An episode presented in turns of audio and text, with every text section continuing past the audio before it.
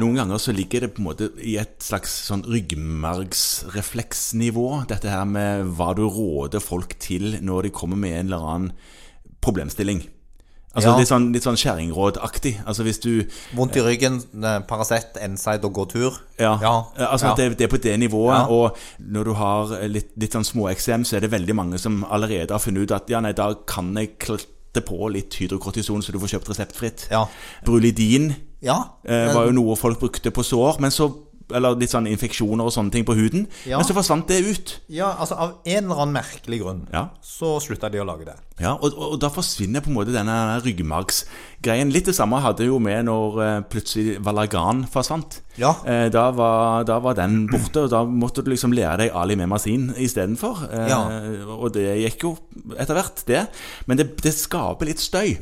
Eh, og nå når Brulidin forsvant, og det kommer en med litt sånn eh, hudinfeksjon, litt sånn impetigo kanskje eh, Som ikke er sånn kjempealvorlig, bare det er sånn ikke helt overflommende, liksom, Nei. men litt sånn, litt sånn gule kryster. Litt Ja. irriterende er det. Ja. Hvor du da kunne si brulidin, eller du kan si eh, klorexidin eller pyresept, men klorexidin og pyresept, det, det er vann. det, det er jo noe søl å holde på med. Ja, du, du, du kan bruke bomull og Ja. Og så kan du ta feil. ikke sant? Hvis du tar sånn 5 og gir på en liten unge, så, så kan du sørge for at da har du, Ja da. du er kvitt den pasienten. For Ja. det, det svir jo som Men er det noe nytt du kan Eller ikke noe nytt, da kanskje, men er det andre ting Ja, du altså, kan bruke? Der er jo kommet noe nytt der, og det var jo sånn heldig at jeg oppdagte det. Ja. Mhm. At det er kommet en salve på apoteket nå, eh, som heter Den heter jo mikrosid, det er bare den som er i klassen. Og det, det er jo et eh, Det er jo hydrogenperoksid. Altså H2O2. Ja.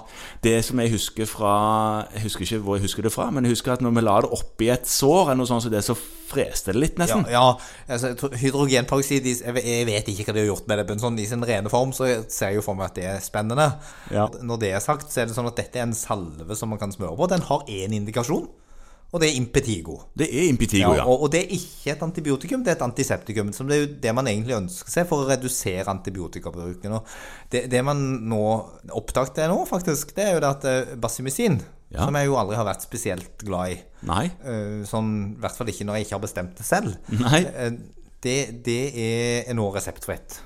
Ja, så det kan folk eh, gå og kjøpe uten å eh, vite om at det er nasjonale retningslinjer for bruk av antibiotika. Mhm. Ja, det, det, det står jo det, vet du. Det er litt festlig. Når du går inn og leser felleskatalogteksten, så er det jo linker til den nasjonale veilederen. Ja. Men, men det er jo ikke sikkert at de fleste pasientene som kjøper dette her over disk i apoteket, går inn og leser veilederen. Det kan tenkes at det ikke skjer. Nei.